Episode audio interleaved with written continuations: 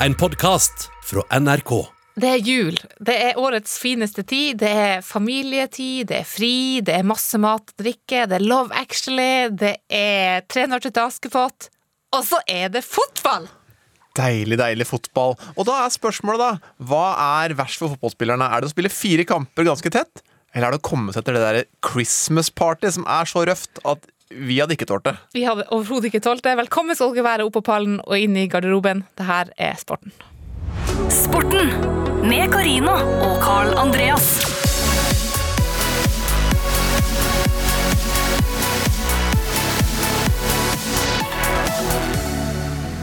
Fotballen i England er et eh, høydepunkt for veldig mange av oss nå i romjula. Og så får vi i dag besøk av Jan Åge Fjørtoft, som har spilt i England i en årrekke. Han skal fortelle oss eh, mye morsomt av det som skjer når man eh, bruker høytida til å jobbe, altså å spille fotball. Og han er på en måte en løs kanon, så nå håper vi at vi skal få virkelig de gode historiene. Og så vil jeg si at han er ganske typete òg, og det passer jo perfekt for oss i dag. Vi skal ha typete nordmenn på pallen, og det kan dere bare glede dere til. Kunne fått alle plassene der, han. Men Karl Andreas, hva føler du nå i romjula? Ja, altså Det er jo litt sånn da at uh, romjula er jo tid, som du sier, for, uh, for kos og moro og alt, men så er det en del sport òg. Og i tillegg til fotballen så er det jo, det er jo langrenn, og det er hopp, og det er uh, mye annet som skjer. Og det som jeg syns er litt Det er på en måte trist, men også litt sånn fascinerende. For nå har jo denne koronapandemien vart en stund, og det er en del sport som på en måte er starta, det er en del sport som har stoppa litt. og... Eh, Langrennslandslaget som har sagt at de ikke skal gå Tour de Ski, f.eks. Mm. Men det jeg eh, reagerer litt på, at nå jeg begynner å venne meg til sport uten publikum. Og det er trist. Og det er jo litt sånn fascinerende med tanke på at hvor tilpasningsdyktige vi som mennesker er. Eh, men så er det noe trist i det òg, da. Men for at eh, sport Tenk deg før sånn Hvis du tenkte en sportskonkurranse og det ikke kom publikum, så var det så flatt. Det var så kjedelig. Men tenk, nå har vi kommet dit, i hvert fall at det, og det, noen steder så jukser de og legger på lyd. Men at det, at det faktisk funker uten òg. Og det, det syns jeg var litt rart Altså, å erkjenne. Jeg, jeg ble aldri vant til det. Eh, så når jeg hørte den første kampen fra England eh, tidlig i desember, det var vel United mot Westham, eh, hvor det var lov å ha 2000 tilskuere, det, var- det var nesten så jeg ble rørt. Ja, og, og det har man jo sett flere eksempler på. At nå det å se en trener som går ut til de 2000 eller 200 og takke de, at det, det betyr så mye at den lille gruppa er der. Eh, men så er det andre ting igjen. Det, det har vært litt gøy, det her å høre spillerne rope hverandre. Høre Ja, liksom, som- eh, Rashford vil ha ballen fra Martialer, og høre han roper inn i midten der. Så det har jo på en måte gitt noe òg. Så har vi hatt de her rundene med banning i eliteseriene, og hvor ting har kommet fram. Så jeg tror virkelig at det kan være noe som setter spor faktisk lenge. Altså selv om på en måte, For man vil huske det som noe spesielt. Absolutt. Men nå venter jo et år med mange mesterskap. Det skal jo, etter planen, da, eh, være både ski-VM i Oberstdorf, det skal være fotball-EM rundt om i Europa, det skal være OL i Tokyo. Og så skal vi vaksinere de beste supporterne først, er det Ja, det du sier? ja, hvordan blir det der? Tror du det blir folk? Det har jo så mye å si. Ja, det, det har det. Eh, så jeg håper jo at, det på en måte, at man klarer å løse det. Men på den annen side så Så lenge idretten måte består på den det blir konkurranser, og du får kåra en mester eh, Det går an å nyte god idrett selv om det ikke er mye lyd bak. Ok, det er ikke det samme, Nei. Men, men det går faktisk an. Og så får vi heller eh, i mellomtiden være glad for hvor liksom flinke vi mennesker er til å venne oss til ting som Altså, før syntes jeg det var helt weird å gå rundt med, med, med munnbind, liksom. Ja. Og nå syns jeg nesten det er rart hvis folk ikke gjør det. Og når tok du noen i hånda sist og hilste på dem? Ja, det er lenge siden. Men det, det, det savner jeg også. Men kommer du til å begynne med det igjen, tror du? Det blir ja, det, borte. akkurat det må jeg begynne med. Eh, Det der å ta folk i hånda. Men, men den der klemminga i tid og utide, den er jeg egentlig litt glad for at det er ferdig. For at den, den kan skape litt sånne vanskelige situasjoner med, med OK, vi har jobba i lag tre-fire ganger før. Ja, er vi på klemmeren? Nei, vi er kanskje ikke det. Jeg skal prøve å huske på det med klemminga, at du tenker det. Når vi, Vi kan ta en high five. High five.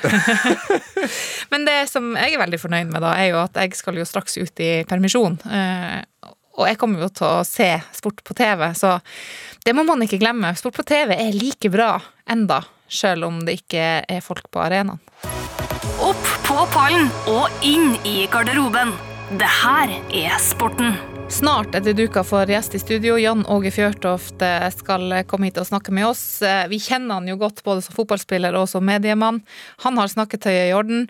Og det har kanskje de som skal opp på pallen vår her eh, i dag også, Kallan. Altså, han var en type. Eh, og type til nordmenn, det er Palmer i dag. Vi skal ha kåring topp tre type til nordmenn. Mesdames et messieurs, médaillés de bronze, Ladies and gentlemen, the bronze medalist. Vi begynner med bronseplassen min. Og her er det en kar som vi rett og slett ikke kommer utenom når det er snakk om type til nordmenn.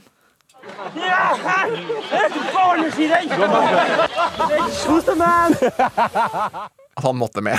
The Man måtte med. Petter Northug, han, eh, altså, han er typete i alle mulige faser av livet. Altså, han krangla med ledelsen i forbundet, han gikk ut av forbundet, han har skjelt ut trenere, han har blitt pokerambassadør, han har brakt Aylar Lie inn i sportsjournalistikken. Så han holdt på med kriminelle ting eh, og ulovlige ting. Um, og så har han gått sinnssykt fort på ski. Og, og det er ikke til å legge skjul på at han har gjort langrennssporten litt kulere enn langrennssporten egentlig er. Ja, altså, altså han, han har gjort ting han ikke skal, så klart. Men så deilig det er med sånne typer. Kong Carl Gustav, can you hear me? Bjørn Borg, Ingeborg Stenmark. You guys took a hell of a beating. Han er morsom. Ja, fy Faen, så bra ut. Min bronseplass er Nei, Den er faktisk litt delt. Jeg vil bare si at jeg hadde en så lyst til å ha Mia Hundvin der. Ja. For hun var jo så fantastisk, eh, ikke bare opp på banen, og sykt rapp i kjeften. Hun var kul. Og, og, men nå har hun faktisk blitt plukka opp og er programleder i TV Norge-program og ditt og datt ene med det andre. Men hun, jeg måtte velge en annen. Og hvem er det? Og det er også en fyr som er helt sykt rapp i kjeften. OL-sølv, X Games-gull, VM-gull, EM-gull. Under OL så registrerte han seg for at han kjørte for Grorud hasjplanteklubb. Det ble det leven av. Ja, Det skjønner jeg jo. Han farga håret sitt i sånn leopardmønster. Jeg snakker om Daniel Frank. Han er en tidligere snowboarder, og det er, nå er det en stund siden jeg kjørte. Dette var sånn 97, 98, 99. Men jeg husker det så godt likevel, for han, han skapte gull uansett. Han var konstant på speed. Normalt så må vi journalister på en måte finne en setting. Si sånn La oss dra dit, og så eh, står du litt på ski, eller du mater ender, eller vi spiller litt med ball, så får vi noen klippebilder. Men Daniel Frank kunne vi bare stå foran en hvit vegg, og vi visste det ble gull. Ja. For han var helt vill, på en måte. Og mange av litt sånn yngre lyttere, som nå hører på, kanskje, husker, husker han som at han vant Mesternes mester. For der er det mange som på en måte plukker den opp. eh, Så der ble han på en måte også kjent. Så jeg har funnet et klipp fra 'Mesternes mester' hvor eh, vi får høre noe av den speed-greia som han hadde. Alltid. eh, når han er i samtale med en hund. Han er bare unge, han er bare valpen her, vet du.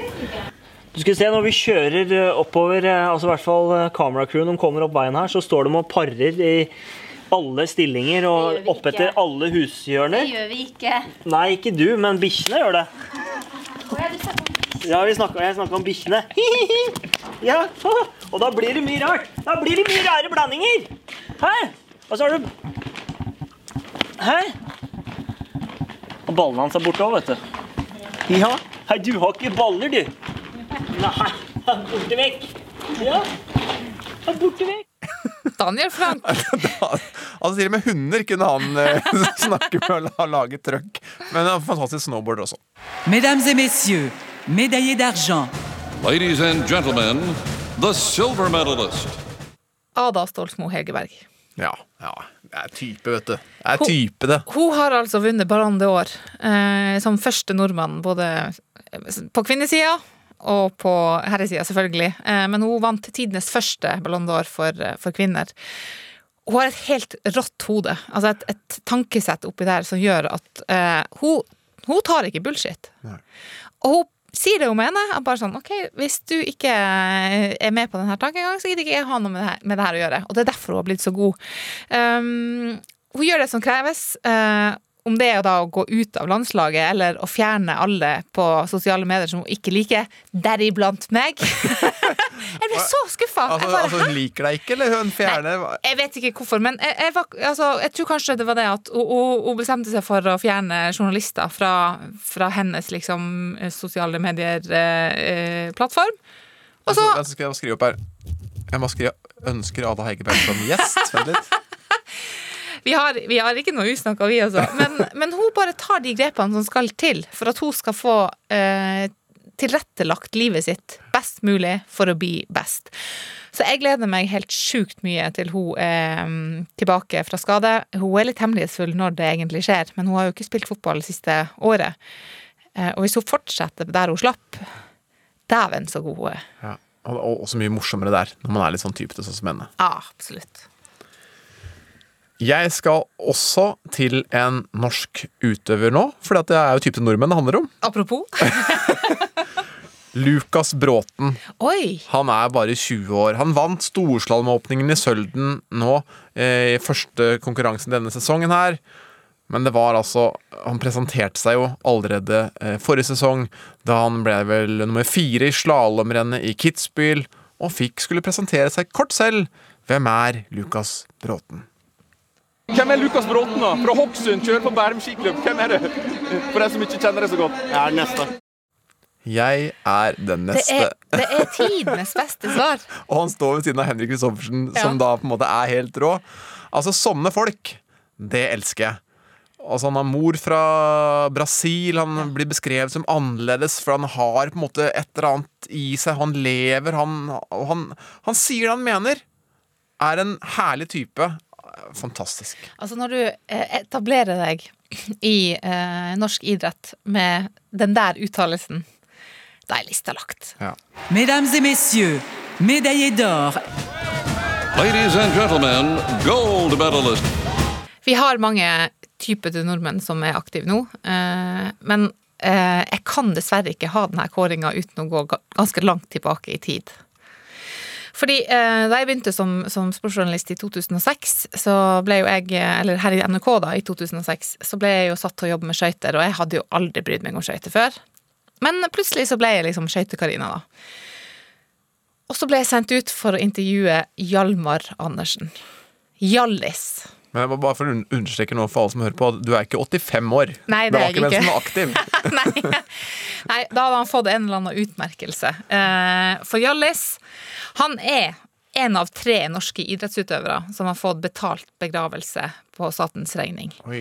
Og det sier litt om hvor stor han var. Han var så viktig for den norske folkesjela.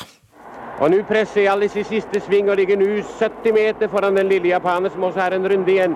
Og nå slenger han med armene og går inn mot mål. I et forrykende tempo har krefter og stil og alt i behold. Der! Jeg har 16.45,8. Bevare meg vel. Og det er så nydelig å høre på. Det her er jo da altså fra. OL i Oslo i 1952, hvor uh, Hjalmar Hjallis Andersen tar tre gull på hjemmebane. Eh, det var altså eh, han, var, han var den største helten. Han kunne ikke bo på samme sted som de norske, andre norske utøverne, fordi han var så populær. Han kunne, han kunne ikke være noe sted å, å få fred. Eh, men det som er så gøy med Hjalmar Andersen, er at han hadde en helt sinnssyk sjarm. Og jeg i midten av 20-årene som møtte Hjallis for første gang, han var jo passert 80 og vel så det da. Altså, jeg kjente det. Hæ? Bare Oi, han har det, han har det enda. Øh, han, var, han var så sjarmerende. og- det, det aller viktigste han hadde, var jo at han var, han var så blid. Han ble kalt kong Glad. Men det som er sånn fascinerende, den er på en måte typete, men likevel sånn, eh, sånn grei, grei, grei, grei type, liksom. Altså kjempe Ja. Aldri noe vondt inn. Nei, nei, han skjelte ikke ut folk, han. Nei. Eller, eller ropte 'Can you hear me?' til konkurrentene. Han var bare glad og sjarmerende, imøtekommende. Han var altså rett og slett bare en, en, en sinnssyk type. Og jeg, jeg har jo hørt mye rykter om historier, og ingen av dem er bekrefta, men han har, at han har sjarmert eh, damer i brudekjole på vei til sitt eget bryllup, eh, det skal visstnok ha skjedd. Jeg kan tenke meg at mange av de som har møtt han, også når de går vekk fra han de første skrittene her, så sier de sånn Det er type, ass. Og så må jeg også si at han har, eh, han har altså statue i tre norske byer. Både i Trondheim, på Hamar, og så står den uh, utenfor Bislett i Oslo. Det er det heller ingen nordmenn som har. Nei, da er du type. Det er mange som sikkert har eh, sett eh, fulgt med på julekalenderen Stjernestøv. Eh, denne desember er den nye kalenderen til NRK. Og da i den serien så handler det om folk i nord som passer på at Nordstjerna skal lyse. Når det handler om min gullplass, så skal vi til nord. Jeg ser du lyser opp i ansiktet ditt. Vi skal til året 1945, for da ble det født en liten gutt der oppe i nord. Han ble født eh, i Tana, og han eide en sport i omtrent 20 år. Hele Norge elska den fyren her fordi han var kjempegod og veldig, veldig typete. Jeg kjører helt til flagget går. Jeg trodde det, men eh, jeg har brent ræva mi en gang på det før. Så jeg kjørte til, og jeg hadde svelta i hjel hvis de ikke hadde visst flagget. Har ingen grunn til å stå med lua i handa her oppe. Tvert imot. Vi er på topp av verden, og det syns jeg vi bør være. Ja, løs bak, sier jeg. Ja. Ja, da må du stramme opp stabsdagen. Ja, det blir han jo enda løsere. Ja, så sier jeg til han at siden du vet det, hva faen spør du meg etter, da? Jeg skal ikke be om noe klem, Martin, men jeg får nesten lov til å gratulere. i alle fall. Du får ikke noe klem, for du har tatt med deg ramma i fødselen. Så mye skjegg som du har i trynet.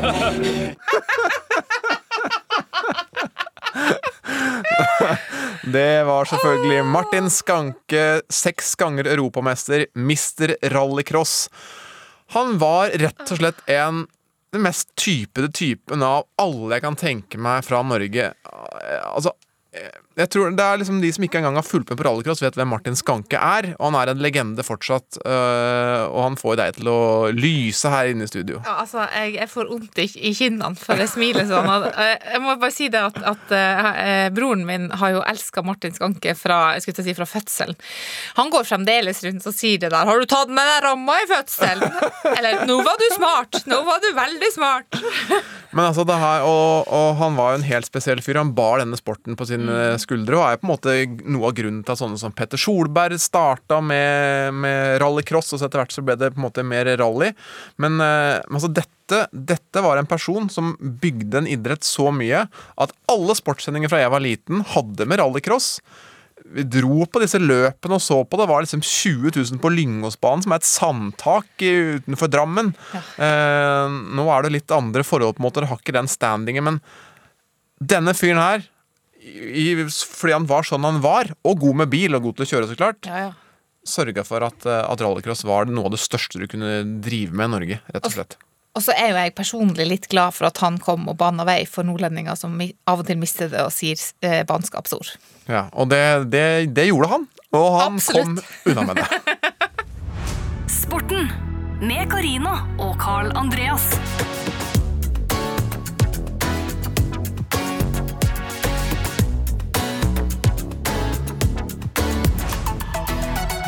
Endelig har vi gjort under julaften og alt det der tullet med pakker og ribbe og pinnekjøtt og styr.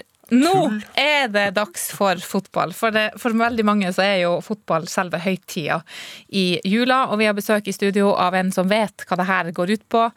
Vet hva det vil si å være fotballspiller i England når man har tidenes tetteste kampprogram. Jan Åge Fjørtoft er på vei inn.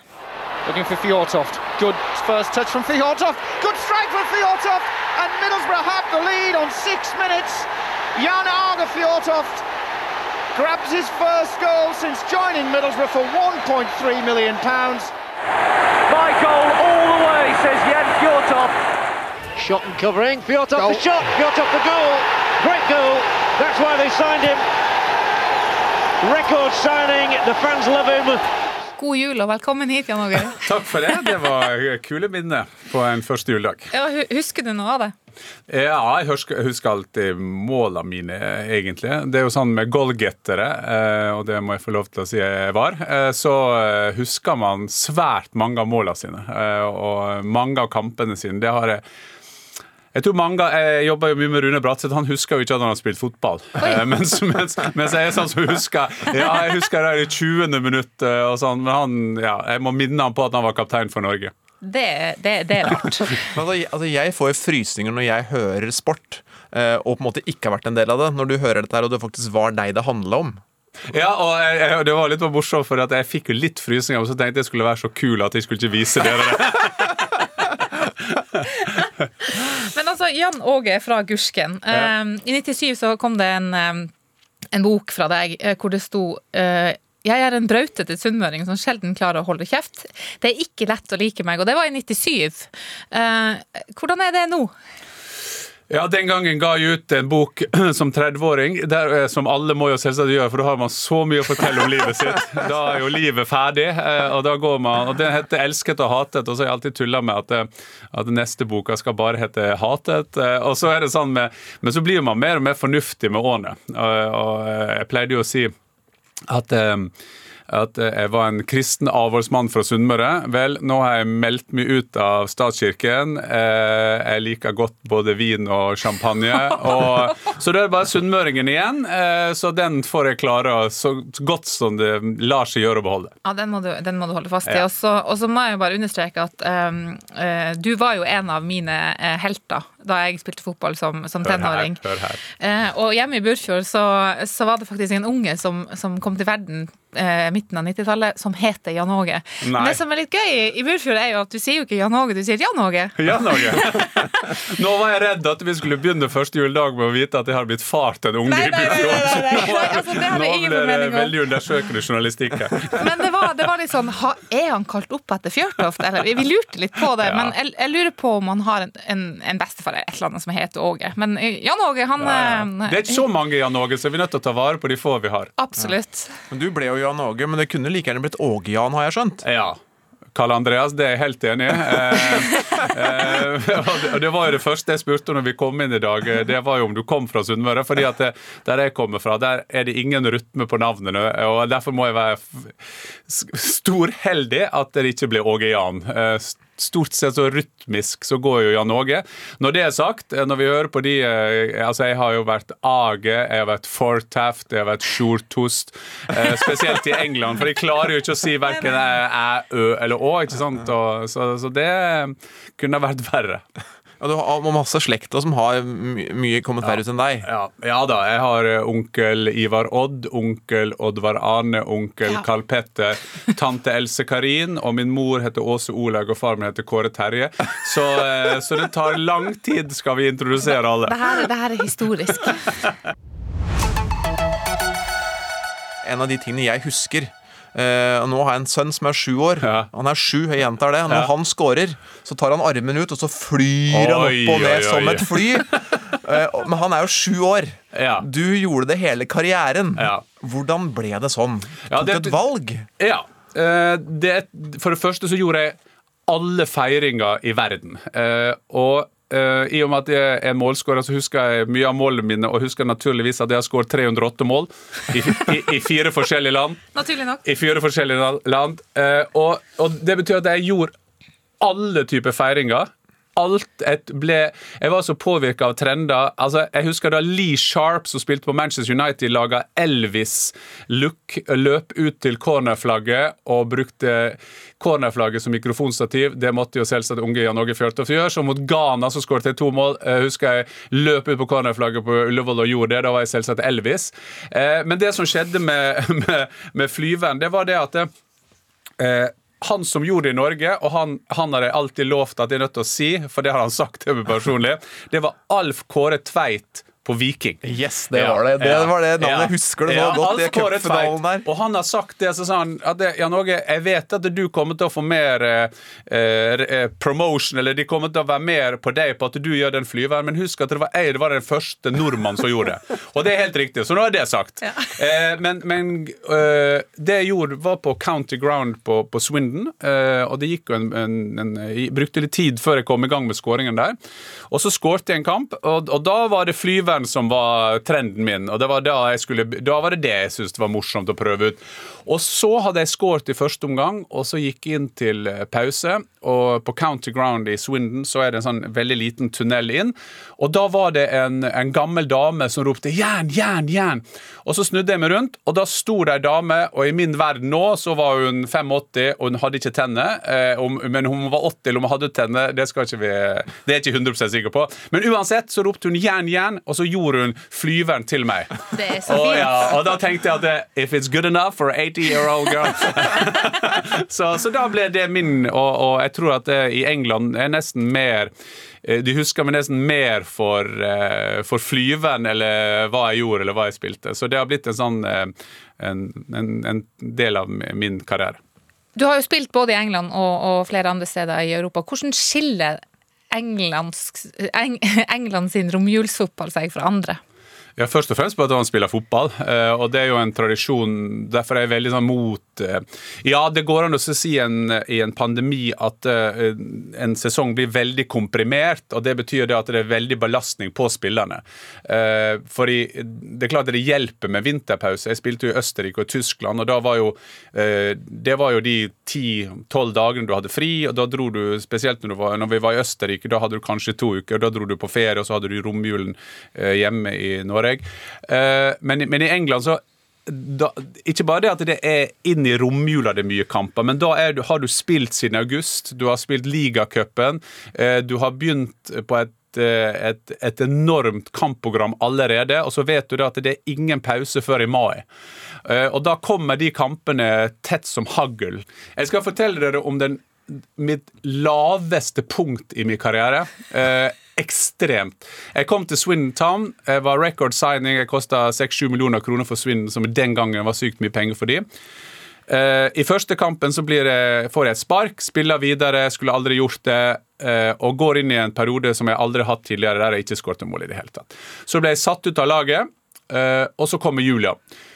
Julaften i 1993 så blir jeg beordra av treneren min eh, til å spille B-kamp eh, for, for, mot Wickham Wanderers på en bane som er så Du vet når du kjører i England, så ser du de banene som Det, det er 40 baner. Altså det er Ekebergsletta ganger to. Og så plusser du på med, med regn og vind og halvsludd, og klokka er tre på julaften i 1993. Bare tenk dere situasjonen. Og så spiller jeg med Swindon-drakta som var rød, og under der hadde jeg tre Det var så kaldt, og jeg var utrolig demotivert. Og så under den eh, drakta mi så hadde jeg da så mye for, for å unngå å, å bli kald. Og det var viktig, for jeg var banens desidert dårligste. Jeg kan ikke huske hvordan det gikk i kampen. Og, og så var det familien min hadde flyttet over, flyttet over. Det var første gangen vi feira jul i utlandet. Kona mi var høygravid, eh, det, var, eh, det var jul, og det var Sølvguttene og alt sånt. Så kom jeg husker jeg kommer sånn tre, altså Jeg kommer akkurat i sånn Sølvgutten-tid eh, hjem til huset.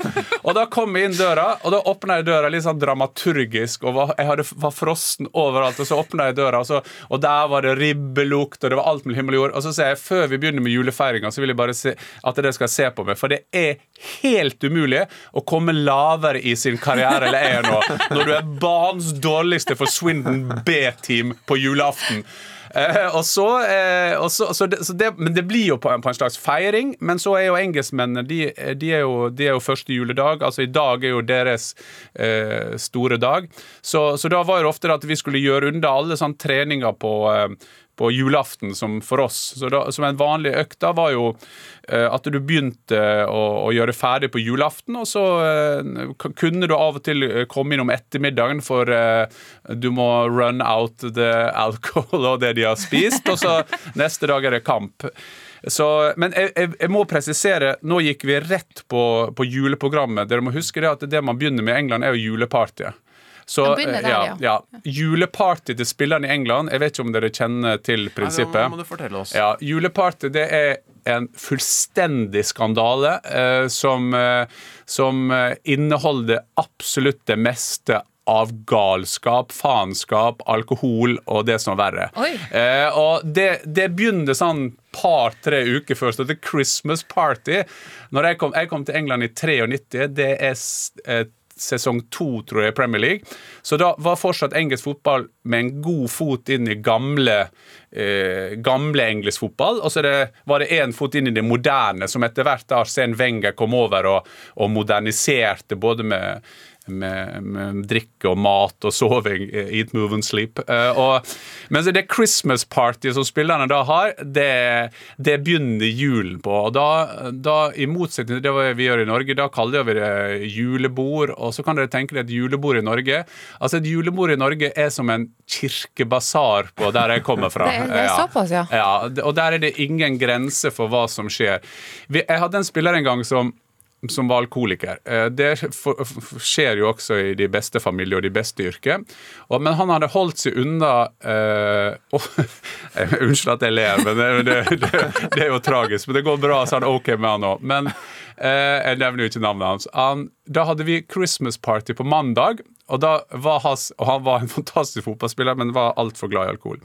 Eh, og eh, da husker jeg han sa his last famous words OK, maybe one. og, da og det var på mandag, and I swear to God, eh, vi, vi fant ikke han hjem før på torsdag.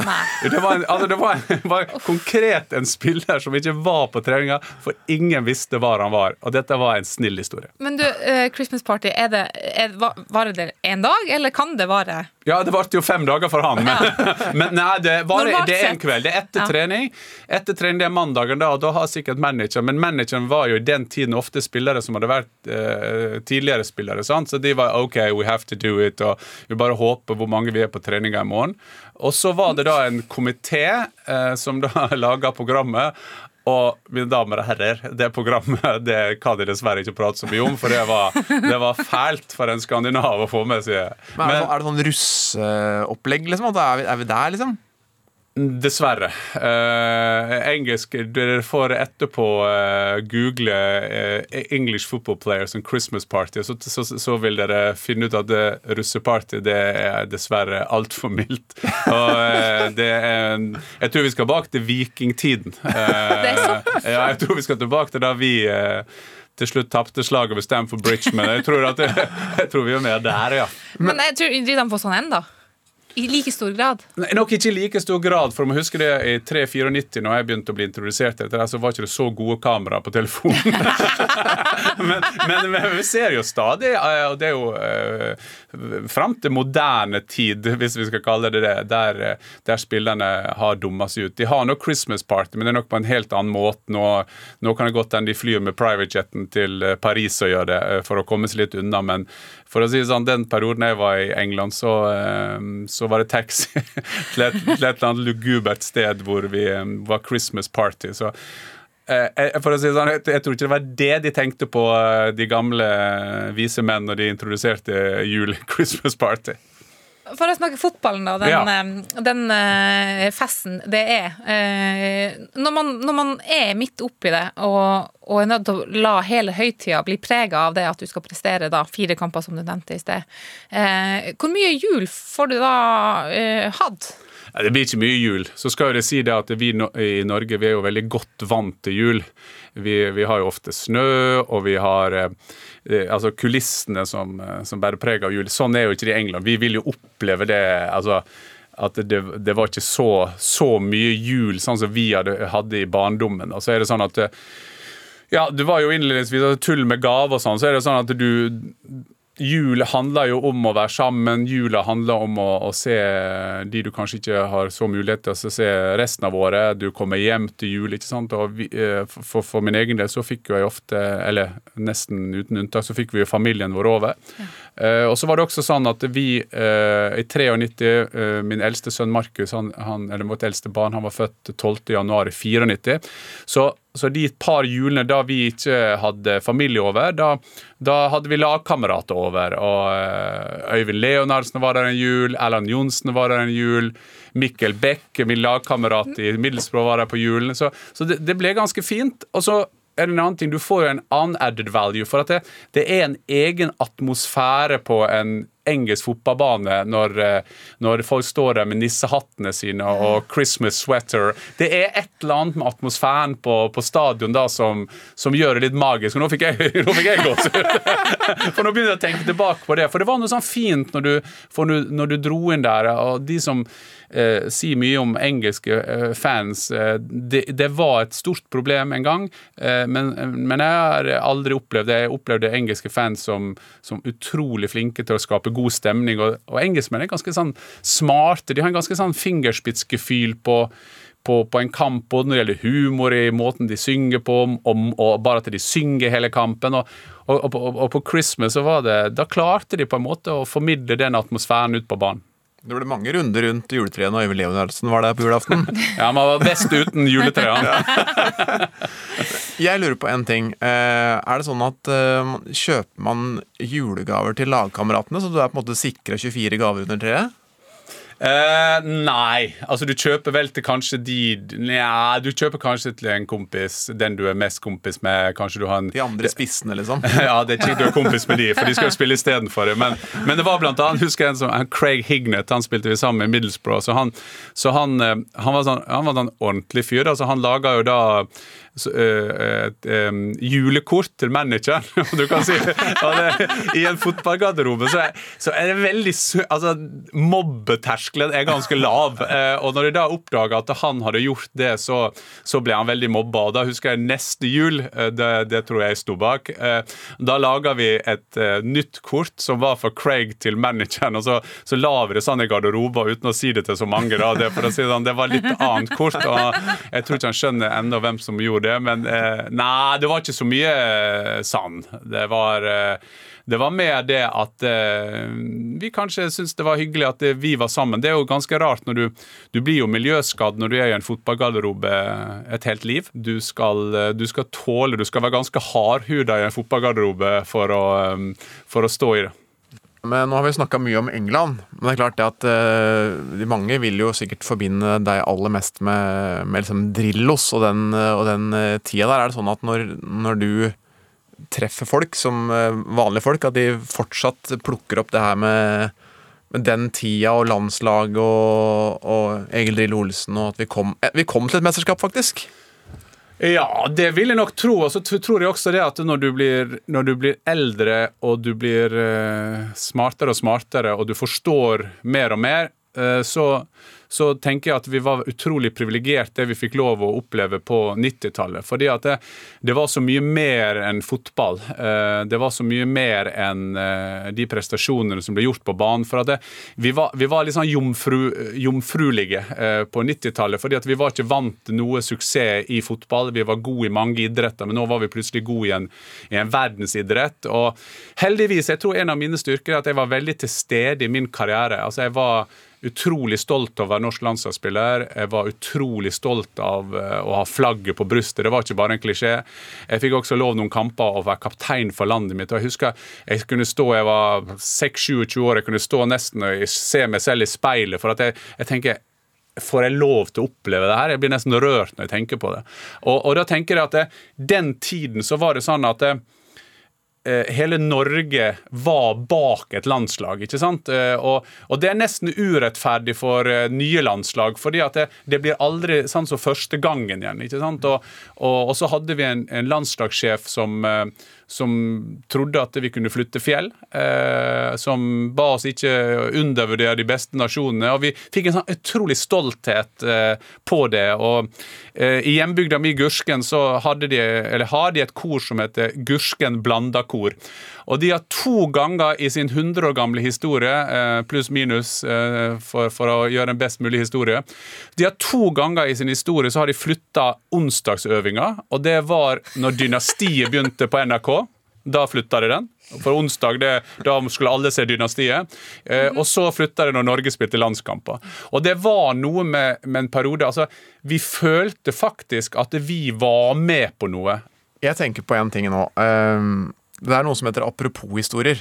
Eh, Og nå nevnte du Var det Gursken-kor det het? Gursken blanda kor. Gursken blanda kor. Ja.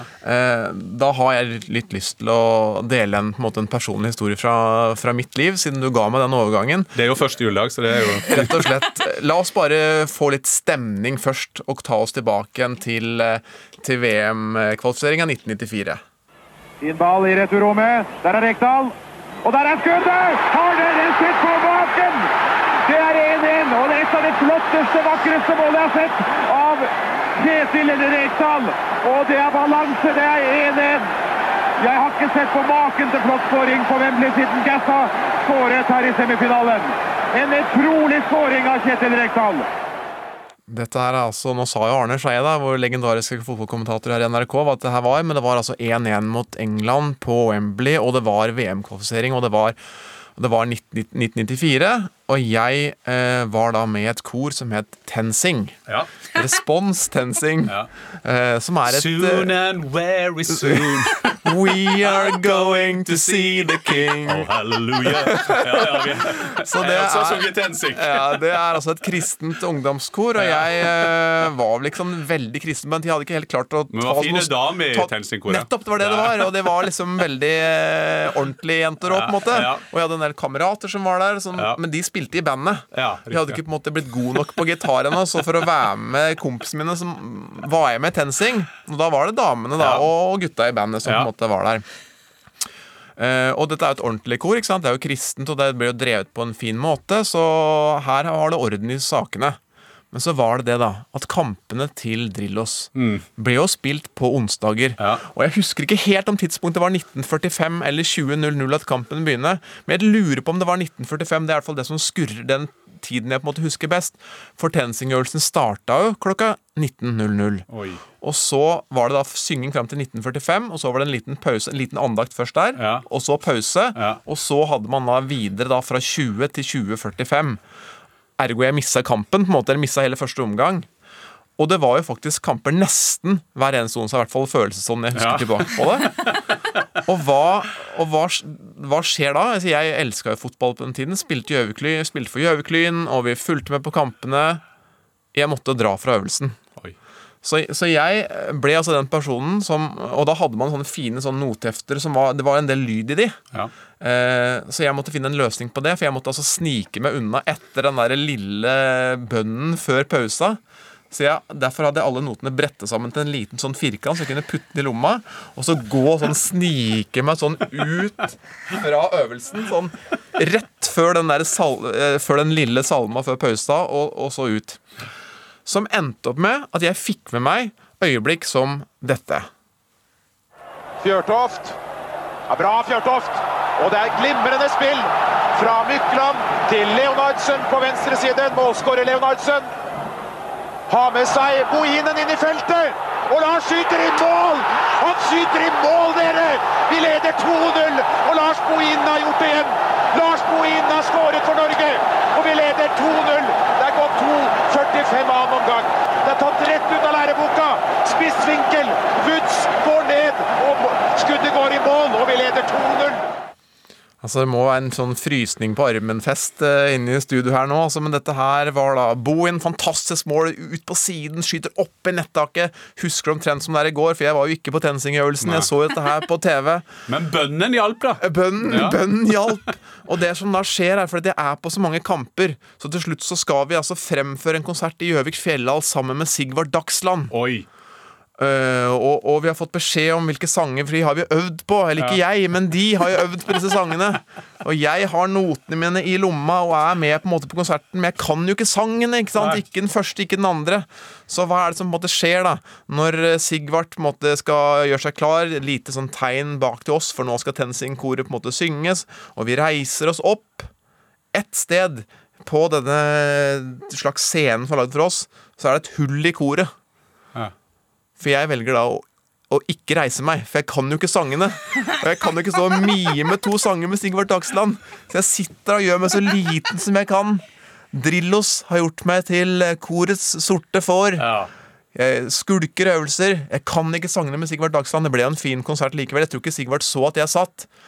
Så, så ok, den, den konserten ble litt ødelagt for min del, men jeg fikk i hvert fall oppleve da dette her. Nå skal dere få det siste klippet fra denne fantastiske perioden. Frispark i fin posisjon. Er Bjørneby. Helt over. Heading inn. Og det er goal! Det er 2-0 for Norge. Det er Jan Åge Fjørtoft som skårer sitt første VM-mål i denne kvalifiseringen. For en tid det var. Ja, det, Dette var en spesiell kamp, for dette her er altså Tyrkia på Ullevål. Eh, og eh, det var jo sånn at jeg kjempa jo med det som nå er faren til Alexander Sørloth, men som jeg intervjua Gøran her i studio eh, sist helg. og så sier Men vi må huske på at du spilte litt fotball du også, Gøran. Altså, jeg og Gøran Sørloth vi kjempa jo om den plassen. Så dette var egentlig den, den første kampen jeg, jeg var ordentlig førstevalg. Og, og, og da da husker jeg vi begynte kampdagen med at jeg, jeg, bodde på rom. Det var jo den perioden alle bodde på, på rom. Eh, Jeg bodde på rom med Rune Bratseth. eh, Og da var hele midtsida i VG Det var da Truls Dæhlie som da var VG-kommentator. Nå er han i Fotballforbundet. Og da var det et et så nærbilde av ansiktet mitt over to sider. altså at jeg, Du kunne se absolutt alle rynker som jeg hadde i den tiden. Var, vi har ikke så mye i den alderen, men alt kom fram på det bildet, og så sto overskriften 'Kan vi stole på denne mannen?' Det, var, det, var, det fikk jeg på kampdag. Og så husker jeg Rune Bratseth så på meg og så sier han 'Er du nervøs nå?' Og så sier jeg altså jeg må jo ærlig innrømme, Rune, altså skjerp deg. Du, det har vært en glede å, å ha deg her. Eh, vi, inn, inn, vi har vært mye innom Drillos eh, og landslaget og nye perioder og nye mesterskap. Og det er en ny landslagssjef som skal i gang med kvalik i mars. Det er en tøff trekning. Hva tror du om Norges muligheter til mesterskap igjen nå? Jeg, jeg mener at det, landslagene våre det, de skal jo ak akkurat gjøre det. De skal gi oss optimisme, de skal gi oss entusiasme. og Det, det skal være Norge mot resten av verden. Og jeg synes det er så fint. og Nå tror jeg når jeg så den gruppa, så tenker jeg ja, den er jo sikkert OK, den. Og så, og så når vi møter Montenegro borte, så er det helt sikkert en eller annen spiller som vi ikke har tenkt på, som er en superstjerne i Champions League. og så når vi, sånn som når vi møtte Østerrike på, på Ullevål, og så så jeg eh, Da var Østerrike angivelig et ganske dårlig lag, eh, men for oss som kanskje følger litt med, så har de en Sabitzer, eh, altså de, de har en Alaba, de har så mange gode fotballspillere. Men jeg er superoptimistisk igjen, og jeg er helt sikker på at eh, i min levetid, og jeg kommer til å leve sykt lenge, så får jeg oppleve et eh, herrelandslag i, eh, i et mesterskap igjen. Sporten med Carina og Carl Andreas.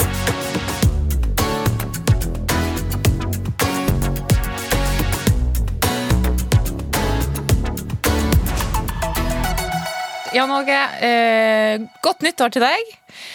Og så eh, avslutter vi med, som alltid med å anbefale en podkast som eh, vi har mange av her i NRK. Eh, Friminutt med Herman og Mikkel. Vi trenger jo egentlig ikke å si så mye annet Nei, de klarer seg sjøl, nesten. Man hører Men på den. Det vi, vi, er gøy. kan, vi kan anbefale den. Teknisk ansvarlig her i dag var Ida Laral Brenda. Produsent heter Geir Elle. Godt nyttår, da. Godt nyttår. Ha det. Du har hørt en podkast fra NRK. Hør flere podkaster og din favorittkanal i appen NRK Radio.